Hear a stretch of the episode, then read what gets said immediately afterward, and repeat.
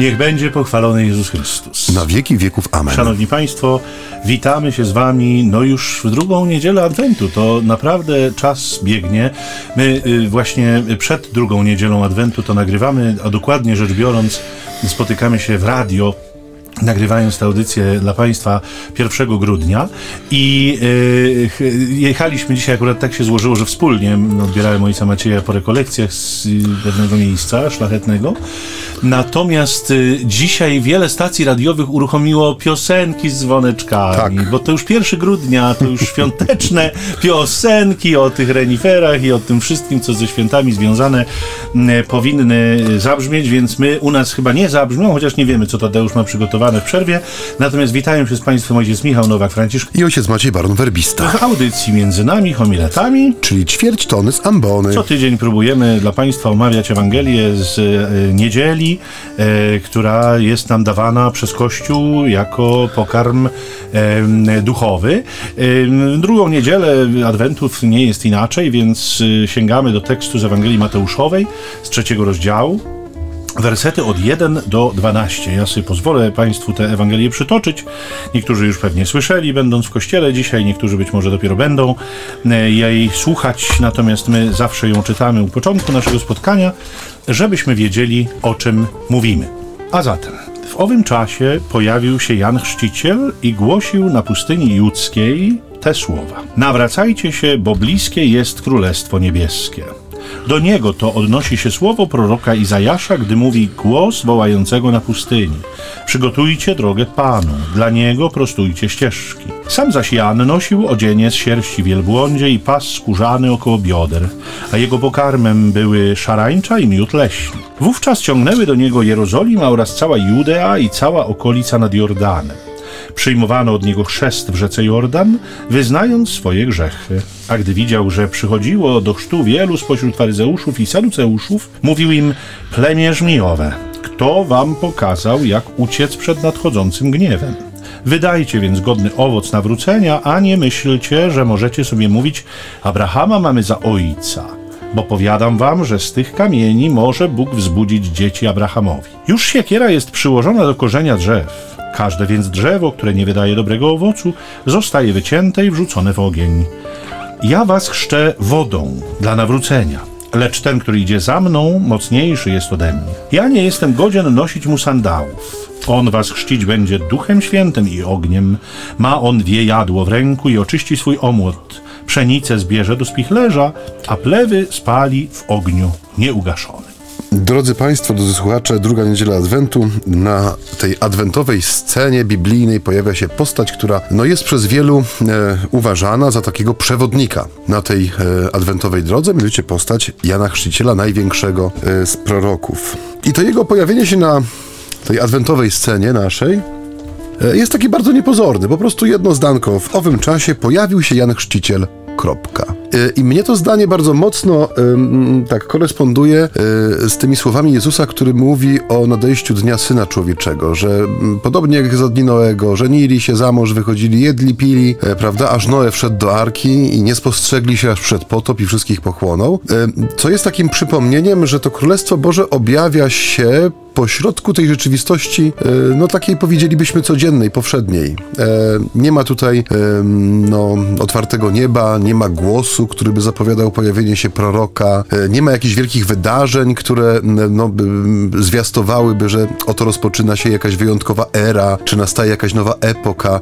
Pojawia się jeden człowiek, e, dosyć oryginalnie ubrany, e, w skórę wielbłądzią, z pasem wokół bioder, który nie korzysta z dobrodziejstw miasta, że tak powiem, ale żywi się szarańczą i miodem leśnym i ma bardzo, bardzo, bardzo wymagające i proste przesłanie. Już pomijając to plemię żmijowe, którym przywitał, no, tak. przywitał część publiczności, y, no ma bardzo proste wezwanie, mianowicie y, nawracajcie się, y, pokutujcie, odwróćcie swoje ścieżki, w sensie odwróćcie drogi swojego postępowania, czyli takie dosyć niepopularne wezwanie. I mm, co roku, kiedy przeżywamy Adwent i kiedy właśnie pojawia się osoba Jana Chrzciciela i kiedy zaczynamy mówić z ambon nie tylko właśnie o tym, że jest on taką no, postacią przewodnią dla tego świętego czasu Adwentu wydaje mi się, że warto by było dzisiaj postawić sobie pytanie, co to oznacza, nie? W sensie, co oznacza jego pojawienie się tak naprawdę i co oznacza to jego proste, zwięzłe orędzie, które naprawdę, no, nie potrzeba go tłumaczyć, nie potrzeba go rozwadniać, nie potrzeba go rozrysowywać, bo to jest tak proste, że aż boli. Ja nie wiem, czy ty tak masz, ale zastanawiałem się, co rodzi we mnie takie wezwanie, nie? które kieruje Jan Chrzciciel do swoich słuchaczy: nawracajcie się. I e, nie musiałem się zastanawiać specjalnie długo, żeby orzec, że mnie to wezwanie denerwuje. Ono we mnie rodzi jakąś formę buntu. Być może z przyczyn czysto temperamentalnych tak jest, bo jestem taki y, przekorny z natury, to znaczy mam zawsze tak, że jak wszyscy czytają jakieś książki, to ja ich na pewno nie przeczytam. Nie? O, wszyscy mam to oglądają, samo, tak. wszyscy oglądają jakiś film, to jego na pewno o nie Tron. obejrzę. Nie obejrzałem nie, ani jednego nie, odcinka. Nie. po prostu nie. Taka, taka przekora z natury e, i tyle. Czasem oczywiście po latach mi mija i oglądam filmy, które ludzie zapomnieli już dawno, że istnieją, a ja no, od nich siadam, ale, ale to tak może anegdotycznie, bo być może jest coś z tego w, w, tym moim temperamencie, ale, ale może też ktoś powiedzieć, no to pewnie ma się ojciec z czego nawracać, skoro to tak ojca razi, yy, bo to, zawsze trochę działa na zasadzie uderz w stół, a nożyce się odezwą. Ale yy, tak sobie pomyślałem, że nie mam takiej zdolności w sobie, żeby od pierwszego z brzegu człowieka przyjąć takie pouczenie. Yy, jakby to rodzi we mnie jakby zaraz gotowość do dyskusji. A, a, a, a co ty masz do powiedzenia, a co skąd ty wiesz, a co. I to zaraz jakby ten cały, cała gama różnych zabezpieczeń, takich obudowywania siebie, jakby obrony, nie? to wszystko staje gdzieś tam mi przed oczami. I oczywiście to wewnętrznie raczej wszystko przeżywam, bo, bo no pewnie rzadko się zdarza, żeby tak ktoś z marszu mnie do nawrócenia wezwał, a, a i ja wtedy, nawet jeśli, to staram się grzecznie zachowywać. Nie, nie mam y, y, tutaj takiego bojowego w sobie nastroju. W, w sercu raczej może więcej tych rzeczy się, się dzieje. Y, powiedziałem, że nie mam gotowości przyjęcia takiego wezwania od pierwszego z brzegu. No Jan być może nie jest pierwszym z brzegu, ale, ale powstaje takie pytanie, jaki on miał mandat wobec tamtych ludzi, żeby ich do nawrócenia wzywać tak naprawdę. I oczywiście powiemy, no, no, no tak, to jego powołanie, powiemy, no, no troska o tych ludzi, o ich zbawienie, ale to wie on, to możemy wiedzieć my, natomiast oni y, wcale nie muszą.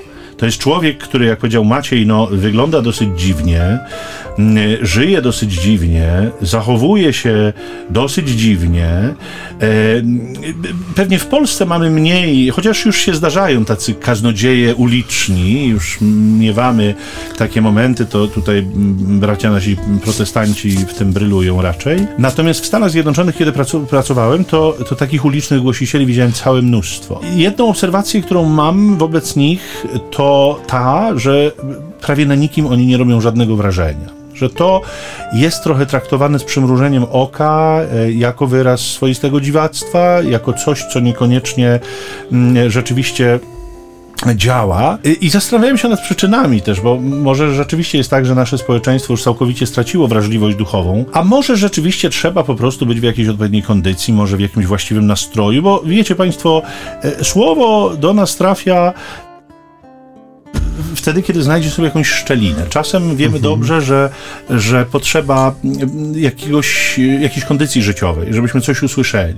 E, czasem jest tak, że kiedy znajdujemy się w jakimś dużym kryzysie, w jakiejś, jakiejś dramatycznej sytuacji, może śmierci kogoś bliskiego, może jakiegoś uzależnienia, z którym już sobie nie radzimy, może jakiegoś innego dramatu, który nas dotknął, nagle zaczynamy słyszeć Boga. Nagle ten Bóg, który do tej pory był nam, powiedzmy sobie, no tak hipotetycznie obojętny, nagle jego słowo nabiera jakiegoś znaczenia i bywa, że to że właśnie człowiek taki spotkany przypadkowo bywa, że ktoś, kto, kto nie ma w moim życiu żadnego znaczenia tak naprawdę, bo, bo nie wiem, minęliśmy się e, raz czy drugi na jakimś spotkaniu może, albo, albo gdzieś tam, albo w pracy, albo pogadaliśmy przez chwilę i nagle okazuje się, że jego słowo, które niejednokrotnie było związane z Bogiem, było przemówieniem trochę w jego imieniu, bardzo mocno na mnie zadziałało. I, i wydaje się, że Jan taką misję podjął i wydaje się, że to jego słowo, ono nie jest takim sobie tylko rzuconym na wiatr słowem, choć w istocie ten głos wołającego na pustyni, on trochę ginie w, w, w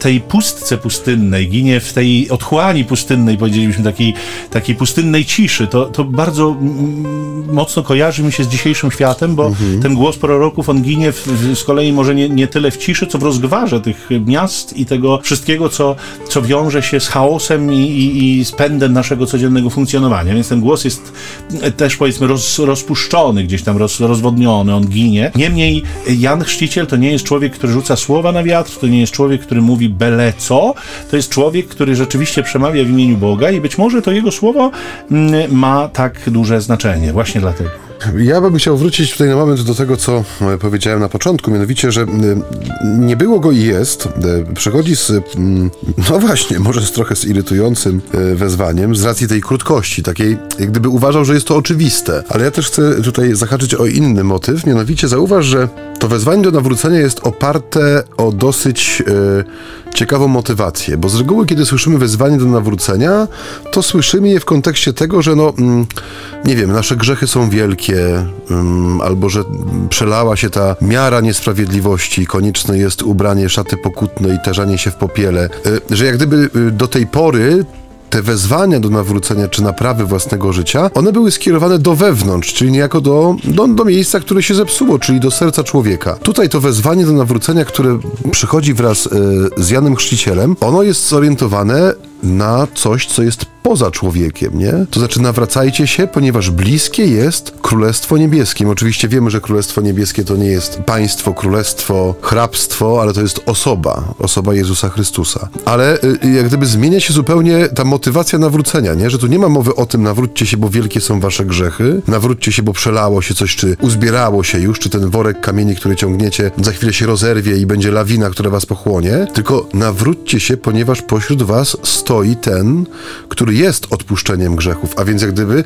już od samego początku jest zaznaczenie, że to jest pewna nowość, która przychodzi wraz z ostatnim z proroków. Ta jego wyciągnięta ręka, która będzie wskazywała na Jezusa i mówiła oto baranek Boży, to jest absolutne nowum, jeżeli chodzi o przeżywanie e, tej relacji e, względem Pana Boga i też przeżywanie relacji względem własnego wnętrza, w sensie czym, kim jestem, skoro moje ocalenie jest poza mną. Tu już nie chodzi o jakiś auto, taki, e, w sensie, że ja się teraz napnę i się poprawię i będę lepszy, tylko tu jest pokaza pokazana e, taka radykalnie nowa droga, e, która rozpoczyna się wraz z przyjściem e, Jana Chrzciciela, nie? Wiesz, to jest coś, co mnie też zatrzymało to właśnie jest ten charakter prorocki tego jego wołania. To, to taką krótkością słowa, oczywistością wezwania, bo rzeczywiście zauważcie Państwo, że, że on mówi tylko nawracajcie się, bo bliskie jest królestwo. I nawracajcie się, oczywiście to już wielokrotnie tutaj maglowaliśmy, czyli zmieniajcie swoje myślenie, najprościej mówiąc, tak, tłumacząc to na współczesny język.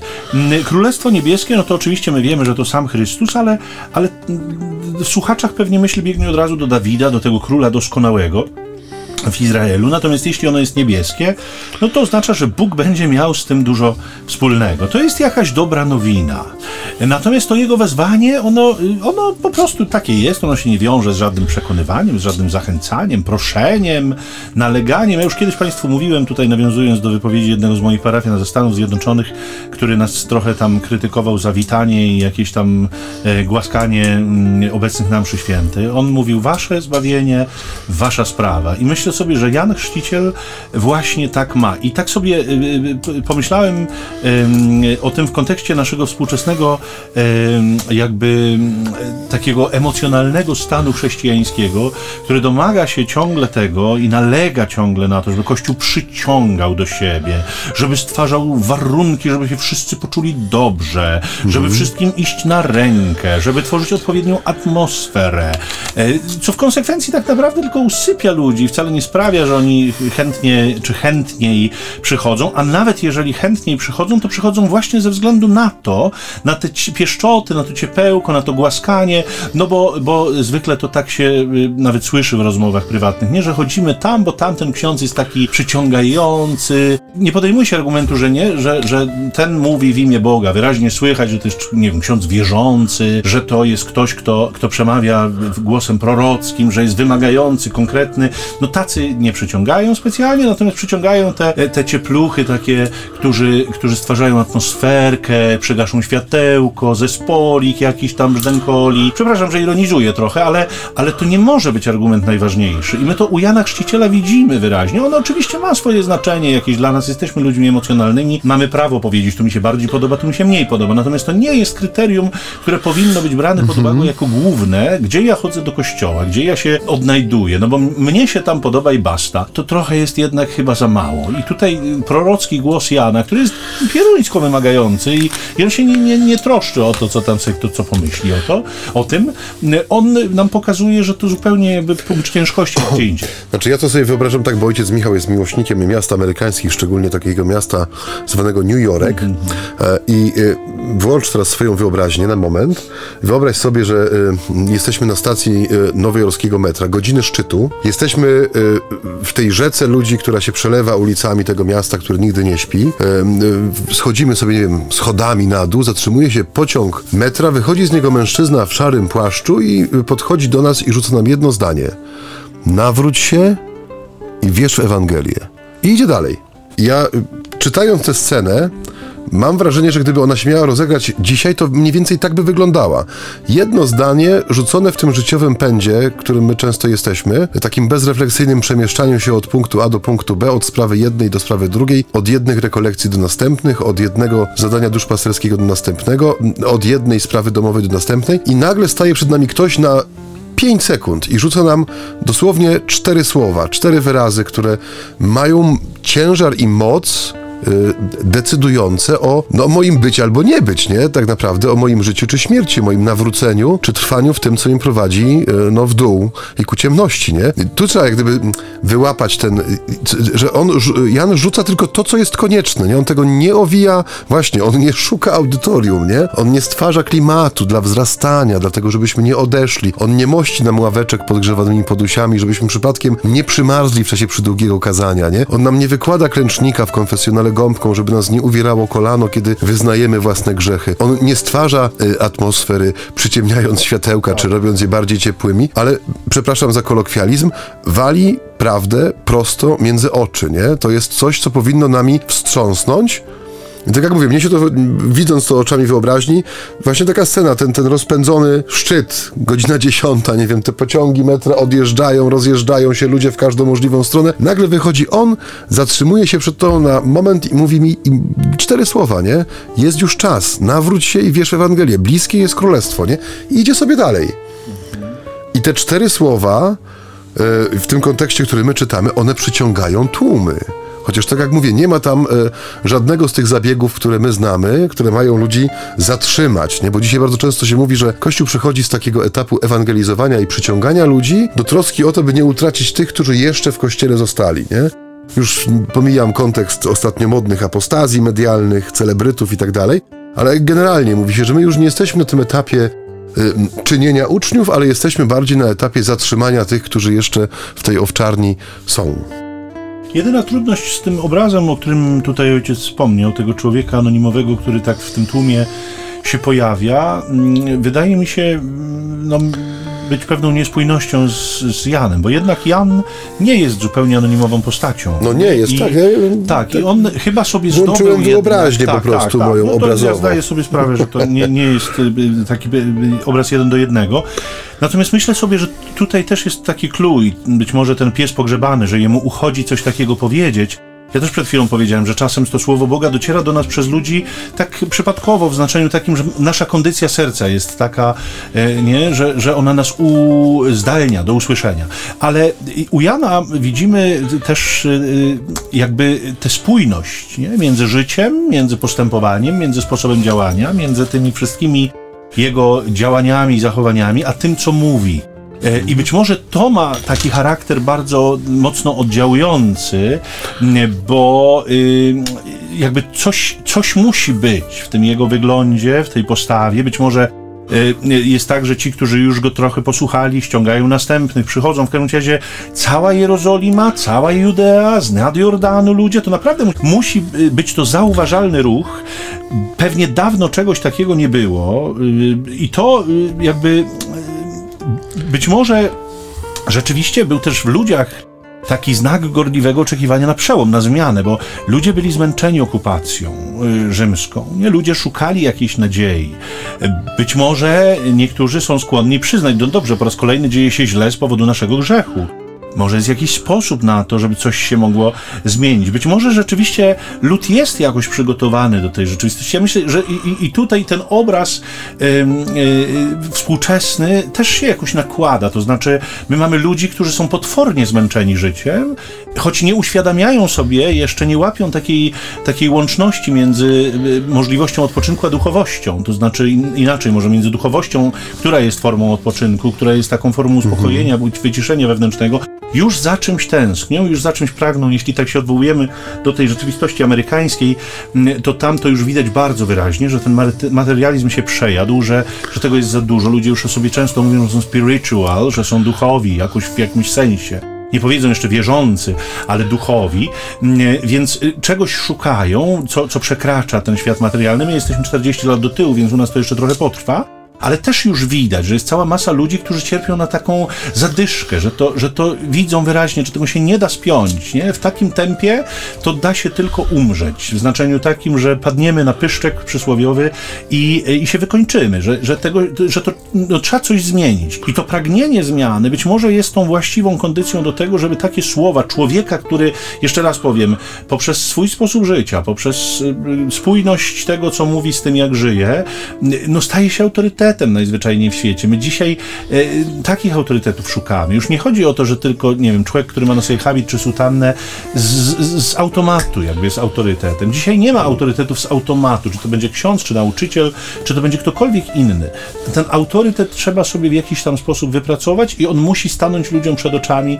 Wtedy y, być może też chętniej będą y, słuchać. Nie? I to też jest jakaś nauczka dla nas, którzy aspirujemy do tego, żeby takimi autorytetami się stanąć. Mhm. Nie dlatego, że tak tak bardzo pragniemy przewodzić innym, ale dlatego, że Pan Bóg nas do tego posyła, zobowiązuje, myśmy w to weszli i taką misję podejmujemy na co dzień. Ojcze, no pięknie poprowadziłeś refleksję y, do momentu, w którym trzeba zaprosić naszych słuchaczy na krótką przerwę słowno-muzyczną. Miejmy nadzieję, że z bogatej biblioteki muzycznej Tadeusz wybierze coś pięknego. Tak.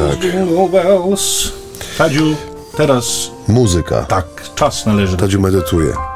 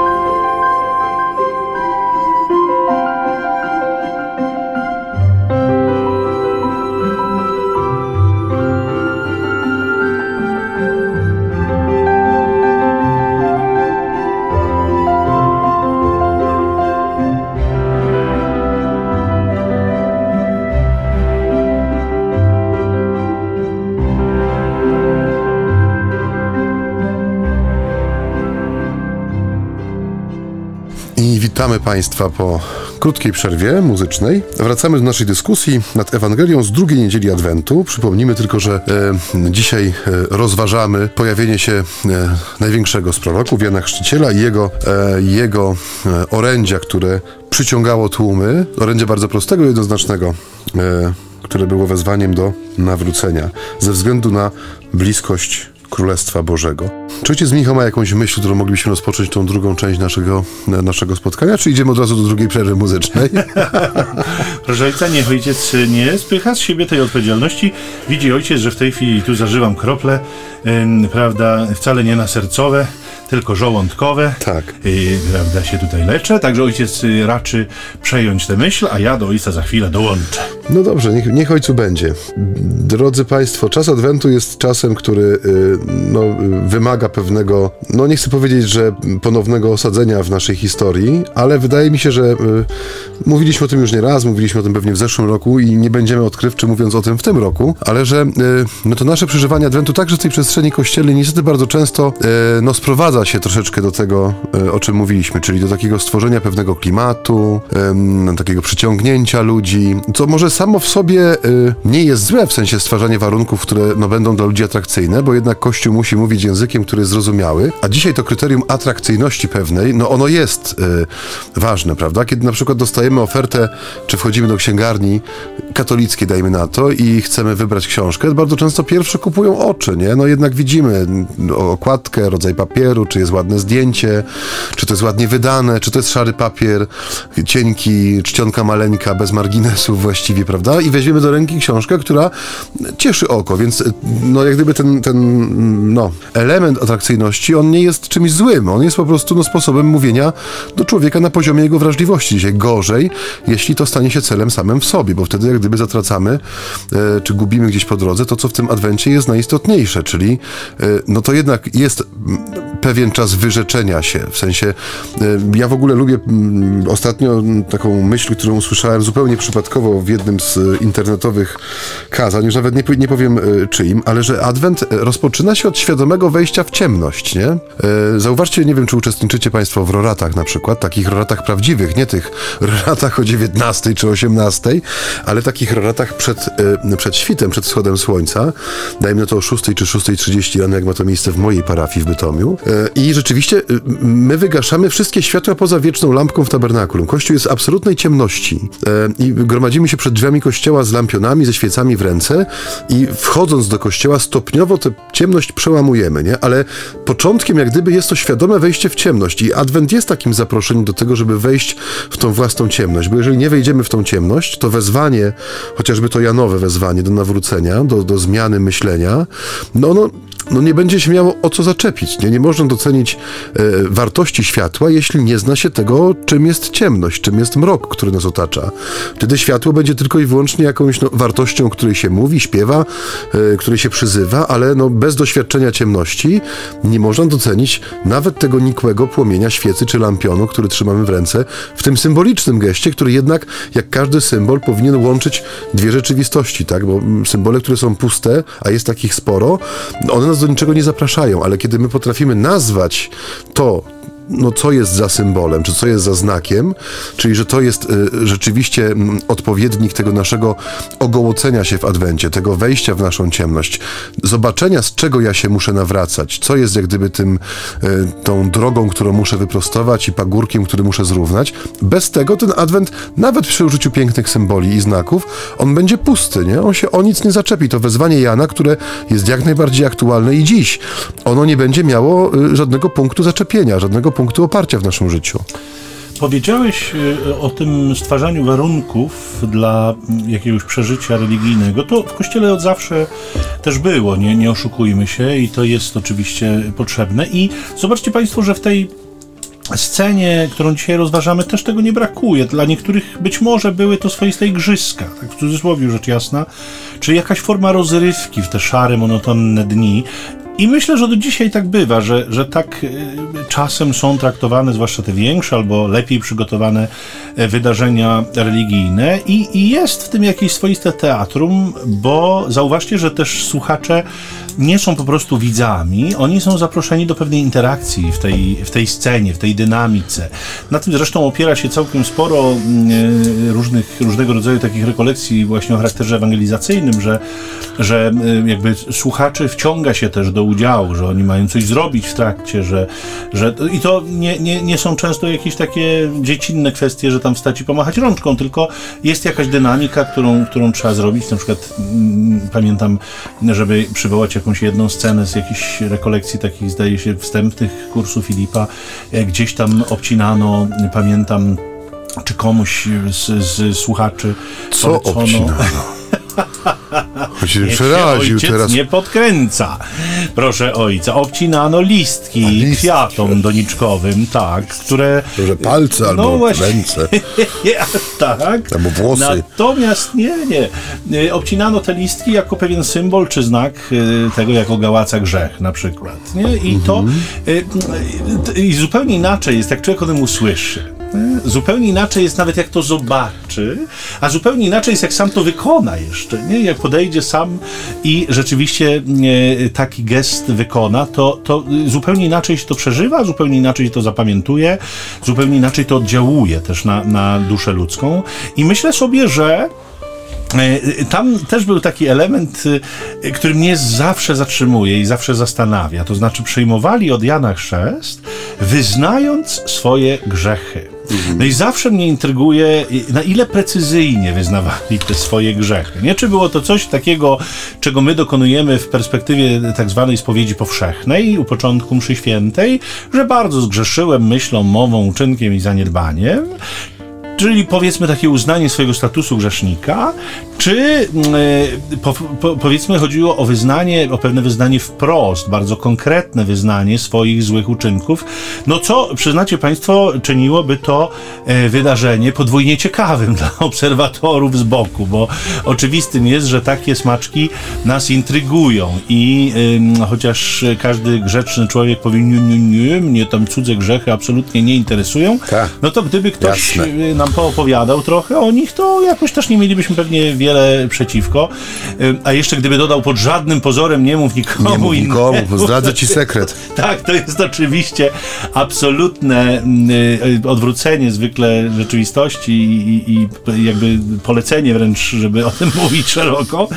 Natomiast, natomiast mm, już zupełnie poważnie mówiąc, myślę sobie, że ta dynamika też była mm, jakby niesłychanie poruszająca dla ludzi i to y, jakby y, uświadomienie sobie przede wszystkim swojego grzechu, wyznanie tego grzechu w takiej czy innej formie, uznanie, wypowiedzenie głośno, tak, ja jestem grzesznikiem, ja potrzebuję nawrócenia. Ojciec ja zawił potrzebuję- długopis No, właśnie. No, właśnie tutaj w rękach pękają rzeczy. Ja Czy, czy niezwykłe, to są znaki, to są znaki, muszę proszę Państwa. spróbować wyginać się te podkowy. Może to będzie Poczekaj, skuteczne. zaraz Ci przyniosę jakąś tutaj. Niemniej y, y, myślę, że to było naprawdę ważne dla, dla tych ludzi. Co ciekawe, y, są tam też ci faryzeusze i saduceusze, o których Macie już wspomniał wcześniej.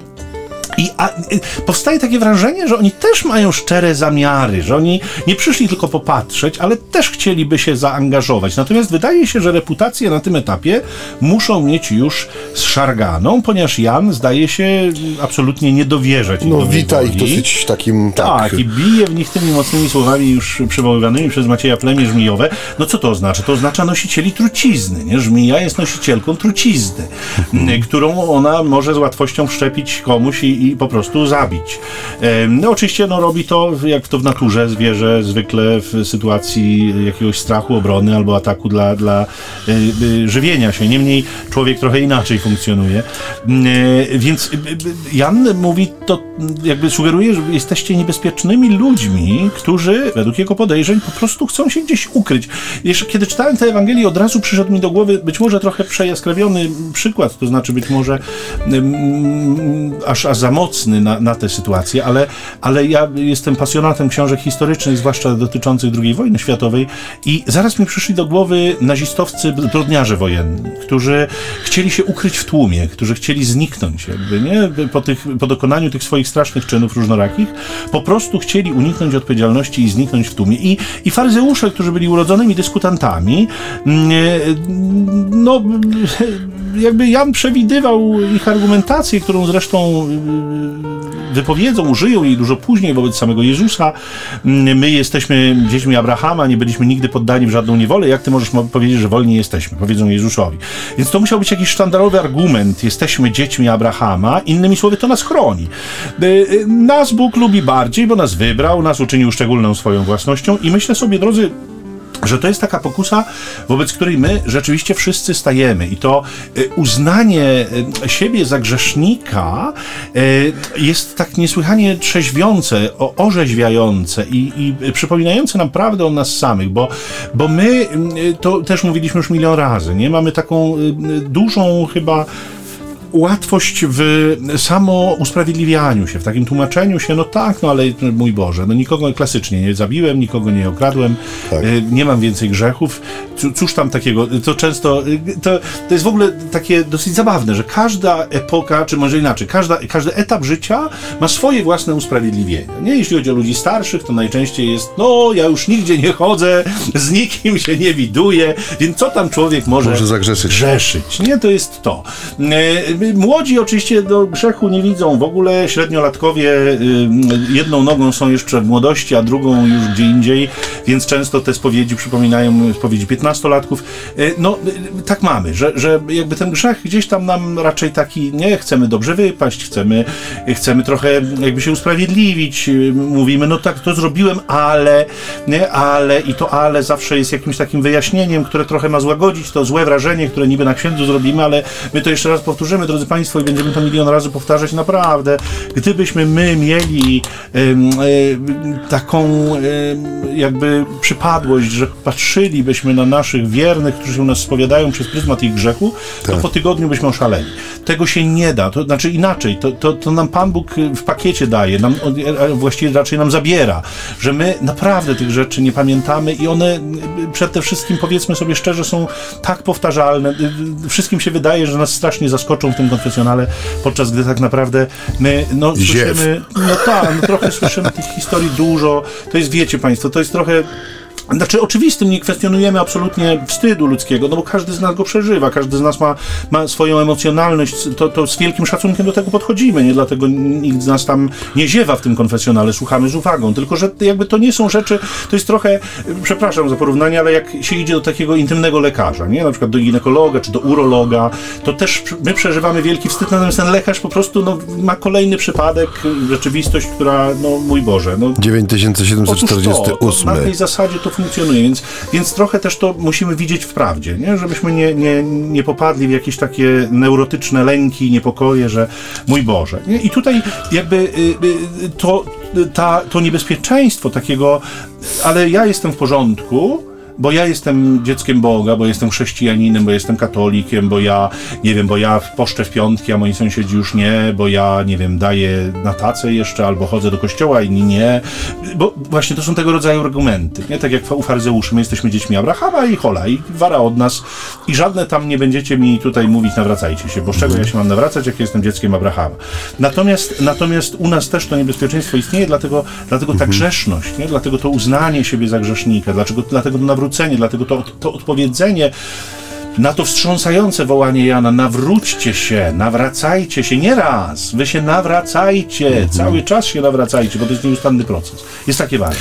Y, ja kiedyś przeczytałem taką interpretację tego fragmentu, y, która y, no, w prostych słowach, żeby nie przedłużać, niepotrzebnie powoli musimy już myśleć też o pewnym podsumowaniu naszej audycji. No i taki jest już Mówiła o tym, że Jezus, kiedy w swoim nauczaniu piętnuje pewne postawy faryzeuszów czy saduceuszów, on nie wymyślił prochu w tym momencie. To znaczy, że e, w Izraelu musiało być już w jakiś sposób żywe e, to takie rozdwojenie między no, życiem elit, tak, czy no, powiedzmy tych przywódców, a życiem, e, no nie chcę powiedzieć, że pospólstwa, ale życiem pozostałej części populacji. I że to, że oni przyszli na pustynię, no pewnie też trochę z ciekawości zobaczyć, to, któż to też jest ten Jan, E, ale że ten, to, że oni też ustawiali się w kolejce, by przyjąć chrzest, było takim e, PR-owym zagraniem, żeby troszeczkę zbratać się z masami, ale jednocześnie, e, no właśnie to powitanie Jana, plemię żmijowe, kto wam pokazał, jak uniknąć nadchodzącej kary, tego gniewu Bożego, że pokazuje, że oni, no, tak jak mówisz, nie, nie było też tej spójności między tą postawą zewnętrzną, czyli tą, tym stanięciem w kolejce do, do, do, do chrztu Janowego, a jednoczesną postawą czy dyspozycją serca, tak? Które wie, że musi się ciągle nawracać. Tu było jak gdyby ciągle zachowanie tego, że my wiemy, jak jest, nie? My wiemy, jak należy to odczytywać i my stajemy tutaj tylko ze względu na to, żeby pokazać, że nie jesteśmy odklejeni od tego, czym żyje lud. I że taka postawa momentalnie jest no wyłapana, nie? Bo Jan jest spójny. Tam u niego, mimo tego, że jest włochaty pewnie i ma włochate ciuchy, tam nie ma go za co chwycić. On jest trochę jak taka mokra kostka mydła, nie? Jakbyście ją złapać gdzieś, po prostu no, będziecie z tej ręki cały czas wyskakiwała. I e, to też nam pokazuje, że jak gdyby celem tej adwentowej drogi, wiadomo, że to nie jest zadanie na jeden adwent, to jest na całe życie, ale jest walka o taką spójność wewnętrzną, o taką właśnie przejrzystość, żebyśmy stawali się podobni w tym sensie do Jana Chrzciciela, żeby nasze e, orędzie, w sensie te, ten, ten, ten, to świadectwo naszego życia było spójne rzeczywiście z tym, co jest dla nas istotne i ważne. I wtedy ten adwent staje się faktycznie taką ikoną całego ludzkiego życia, nie? No, mamy też takie niebezpieczeństwo, że my te wszystkie, te wszystkie rzeczy zredukujemy właśnie do tego świętego czasu, nie? Że to są te cztery niedziele, czas między nimi, potem jest ten czas no, radości, świętowania, potem przychodzi okres zwykły, chwilę później już mamy popielec, rozpoczyna się kolejny czas mocny, czyli Wielki Post, znowu napinamy muskuły, ale potem znowu przychodzi Wielkanoc, radość, rozprzężenie i tak to się na takim wdechu i wydechu toczy to nasze życie. Tymczasem no, jest to prawda, że Adwent jest obrazem całego ludzkiego życia, czyli on nam w tym czasie y, no, są nam poddane czy przypomniane, jak gdyby takie najważniejsze punkty, które trzeba no, w swoim życiu realizować, czy, czy, czy które muszą być jak gdyby no, też otoczone jakąś miłością i troską, które nadają pozór, nie tylko pozór, ale nadają autentyczność całemu naszemu życiu, nie, nie tylko temu e, okresowi oczekiwania czy wołania Maranata jak chcą niektórzy. Nie? To, co powiedziałeś przed chwilą, wydaje mi się być tak niesłychanie ważne, że ta spójność, ona jest też tak bardzo wielką lekcją z tej Ewangelii płynącą dla nas współcześnie, bo zobaczcie Państwo, że deklaracje niewiele kosztują. Y, można dużo mówić i ładnie mówić i, i, i zapewniać o pewnych rzeczach, powiedziałbym, że nawet intelektualne przyjęcie pewnych prawd niewiele kosztuje, bo my co do zasady się zgadzamy, że że jest jeden Bóg, nie Bóg jest sędzią sprawiedliwym, że łaska boska jest do zbawienia koniecznie potrzebna. To, czego nas nauczono w dzieciństwie, dano nam fundamenty. My intelektualnie to przyjęliśmy, nigdy bardzo często niestety tego nie rozwinęliśmy, nie poszliśmy dalej z tym, a wielka szkoda. I zwłaszcza jeżeli ten umysł jest powiedzmy lekko uśpiony właśnie w tym aspekcie religijnym, to, to powiedzmy, przyjęcie tych prawd wcale nie jest takie jakoś tam szczególnie wymagające. Natomiast fakty naszego życia mówią najgłośniej. I myślę sobie, że ta Ewangelia dla współczesnego chrześcijaństwa homeopatycznego jest niesłychanie ważna. Chrześcijaństwa, któremu wydaje się, że im bardziej będzie rozcieńczone, tym lepiej będzie działało na świat. I drodzy Państwo, my nigdzie w Ewangelii nie znajdziemy takiego postępowania. Nigdzie. Ani u Jezusa, ani u Jana Chrzciciela, ani u apostołów, dlatego że ta wygładzona Ewangelia bez wymagań, która niby ma przyciągać ludzi do kościoła, czyni ten kościół absolutnie nieinteresującym, nudnym i po prostu nikomu niepotrzebnym, bo powiedzmy sobie szczerze, po co komu Bóg, który wyłącznie poklepuje po ramieniu i nigdy nie stawia żadnych wymagań. Zobaczcie, że tę rolę może równie dobrze pełnić psychoterapeuta, czy wróżka.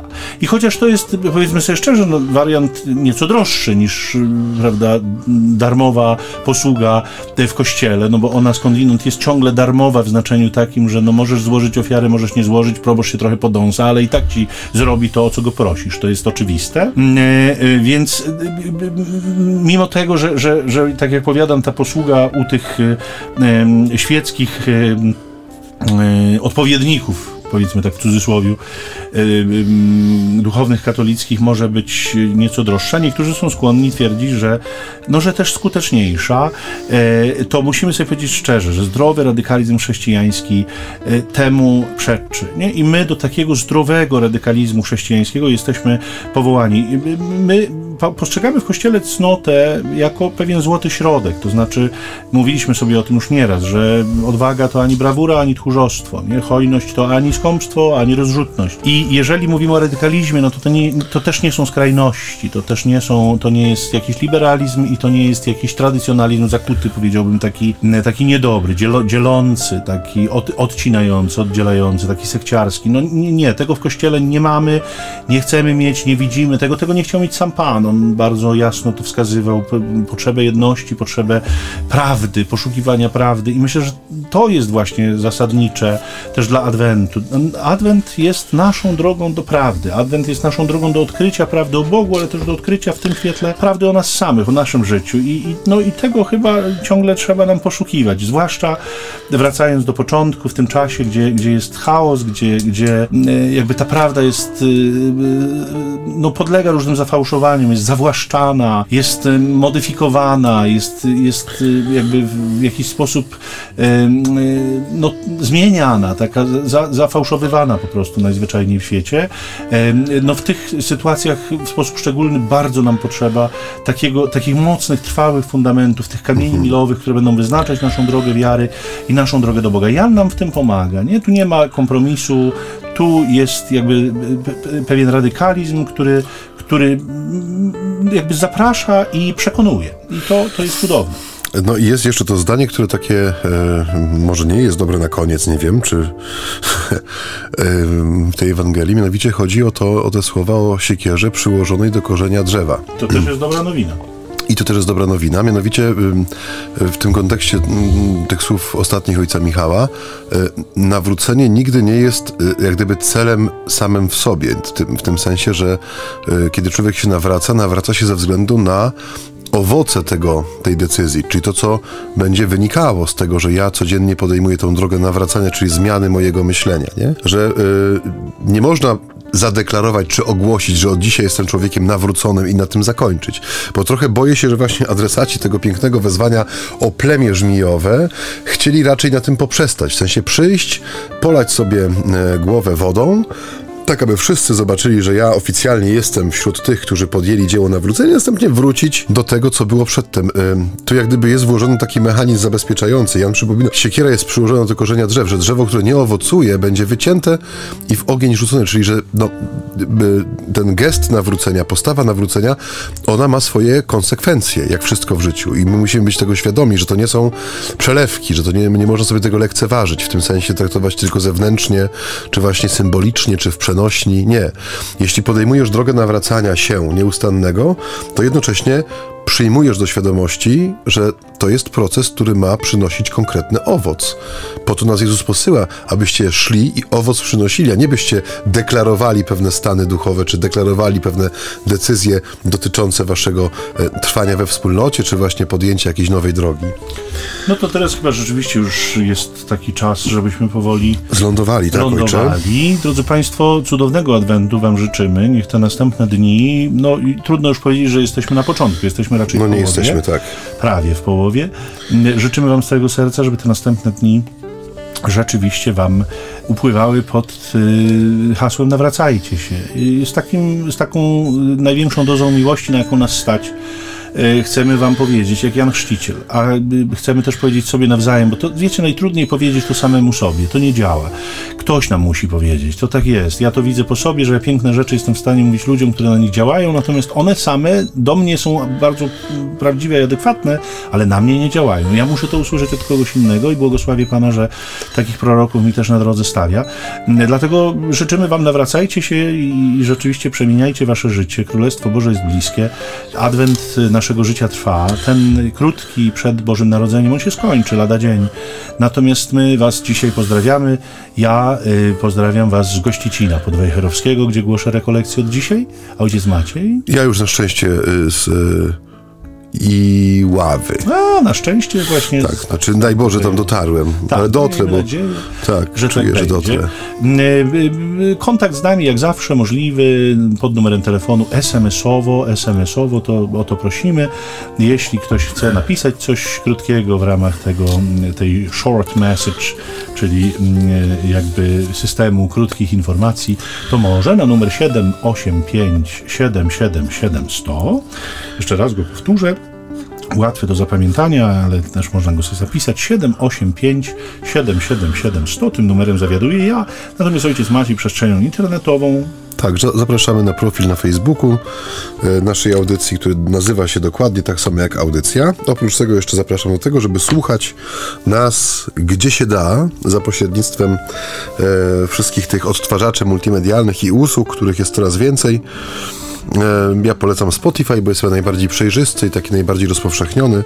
Tam też wystarczy wpisać między nami homiletami, pojawią się nasze dwie uśmiechnięte buzie i już, proszę Państwa, 191 jeden odcinków e, naszej audycji, tam poniżej, e, poniżej tych naszych buź się znajduje. Także 190 prawie godzin naszego gadania. Można sobie z tego zrobić taki maraton i wysłuchać się za jednym podejściem i wtedy mamy adwent z głowy, tak? Albo sobie dawkować tą przyjemność e, i słuchać po jednym odcinku. Niemniej zapraszam do tego, żeby korzystać także z tych dobrodziejstw cyfrowych. Pozdrawiamy Was w tę niedzielę, drugą niedzielę Adwentu i błogosławimy z serca w imię Ojca i Syna i Ducha Świętego. Amen. Ojciec Michał Nowak-Franciszkanin. I ojciec Maciej Baron Werbista. Pokój dobra. Pokój i dobro.